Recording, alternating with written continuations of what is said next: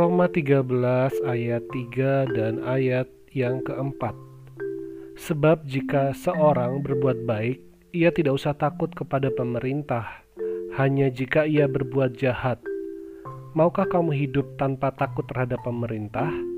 Perbuatlah apa yang baik dan kamu akan beroleh pujian daripadanya. Karena pemerintah adalah hamba Allah untuk kebaikanmu. Tetapi jika engkau berbuat jahat, takutlah akan dia, karena tidak percuma pemerintah menyandang pedang. Pemerintah adalah hamba Allah untuk membalaskan murka Allah atas mereka yang berbuat jahat. Paulus terus-menerus menasehati jemaat di Roma dan juga kita di hari ini untuk tunduk pada pemerintah dan untuk hidup baik di mata hukum yang berlaku. Bukan untuk menjilat atau mencari muka pada pemerintah, tetapi sebagai wujud ketundukan kita pada Allah, maka orang-orang Kristen juga mau taat pada pemerintah yang ada di bawah kuasa Allah. Mungkin akan muncul pertanyaan, bagaimana kalau pemerintah yang berkuasa bertindak tidak seturut dengan firman Tuhan? Bagaimana kalau pemerintah melakukan hal-hal yang bertentangan dengan kehendak Allah? Melalui ayat 3 dan 4 ini, Paulus ingin agar kita, orang-orang Kristen, hidup di dalam damai sejahtera, hidup di dalam ketenangan, bukan hidup di dalam ketakutan. Ketakutan muncul karena ada konsekuensi dari kesalahan yang ingin dihindari. Kita, orang-orang Kristen, tidak perlu hidup dalam ketakutan pada pemerintah, selama kita juga menjadi warga negara yang baik selama kita mematuhi tata aturan yang berlaku. Paulus mengajak kita untuk memandang bahwa pemerintah dibentuk di dalam tujuan, keteraturan, dan kebaikan bersama.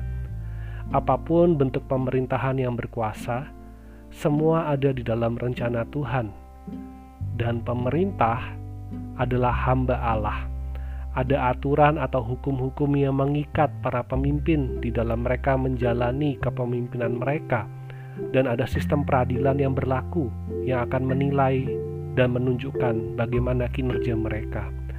Oleh sebab itu, yang menjadi bagian kita adalah mari kita hidup sungguh-sungguh sebagai pribadi yang baik di tengah pemerintah yang berkuasa. Mari kita menjadi pribadi yang taat pada aturan, pada hukum yang berlaku, sehingga kita tidak lagi hidup dalam ketakutan karena tidak ada sesuatu yang bersalah, karena kita dapat mempertanggungjawabkan kehidupan kita di hadapan hukum dan aturan yang berlaku.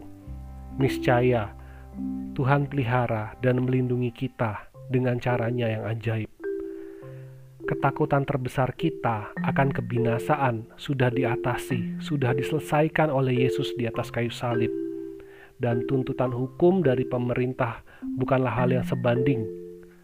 Oleh sebab itu, kita yang telah menerima damai sejahtera dengan Allah, kita yang sudah diperdamaikan, kita yang sudah diampuni oleh Allah, mari kita mengusahakan juga hidup di dalam damai sejahtera di bumi seperti di surga.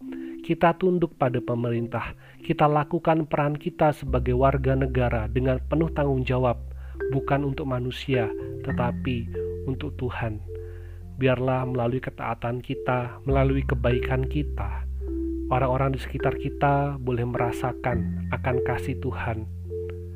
Orang-orang di sekitar kita boleh merasakan akan kebaikan Tuhan melalui kasih dan kebaikan yang kita kerjakan dan biarlah mereka juga melihat bagaimana ketaatan kita bukan hanya di dalam keagamaan atau ritual-ritual yang kita lakukan, tetapi biarlah kita juga boleh menjadi bagian yang penting sebagai warga negara, bagian penting di dalam kemajuan bangsa dan negara kita.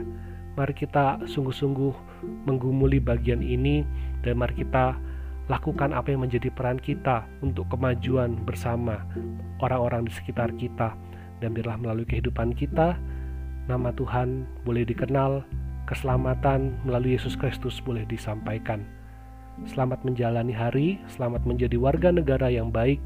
Tuhan Yesus memberkati.